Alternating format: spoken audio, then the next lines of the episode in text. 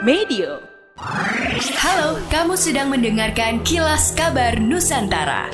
Podcast persembahan KG Radio Network menyajikan berita harian yang mengangkat keunikan dari berbagai wilayah Indonesia.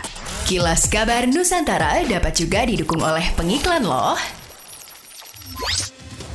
Di tengah isu melonjaknya harga beras di berbagai daerah di Indonesia, Bulog Sulawesi Utara menjamin bahwa stok beras di Sulawesi Utara akan dapat mencukupi kebutuhan masyarakat. Abdul Muiz Ali, Kepala Bulog Sulut mengatakan, saat ini Bulog tengah mengupayakan distribusi beras kepada masyarakat yang diharapkan dapat menurunkan harga beras. Bulog juga terus berkoordinasi dengan pemerintah daerah dalam upaya menjaga stabilitas harga beras serta pemenuhan kebutuhan masyarakat.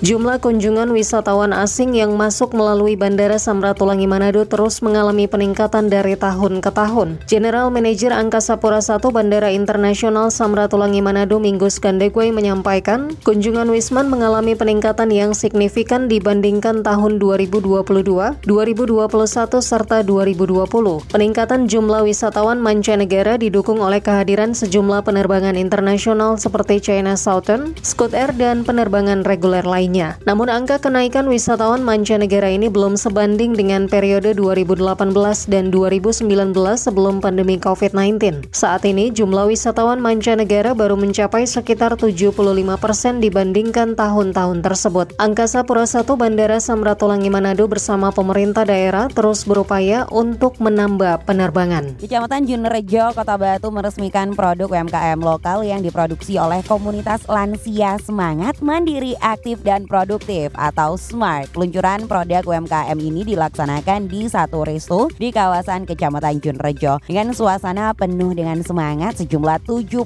lansia Kecamatan Junrejo menghadiri acara tersebut dengan sambutan yang diberikan oleh PJ Wali Kota Batu, Aris Agung dan Camat Junrejo Dian Saraswati. Acara ini merupakan bagian dari upaya Kecamatan Junrejo untuk memberdayakan lansia di daerahnya dengan launching produk lansia smart dapat meningkatkan semangat, kemandirian, aktivitas yang teratur dan produktivitas dari lansia serta dapat tetap menjalani kehidupan yang bermakna dan berkontribusi positif pada masyarakat. Demikianlah kilas kabar Nusantara pagi ini.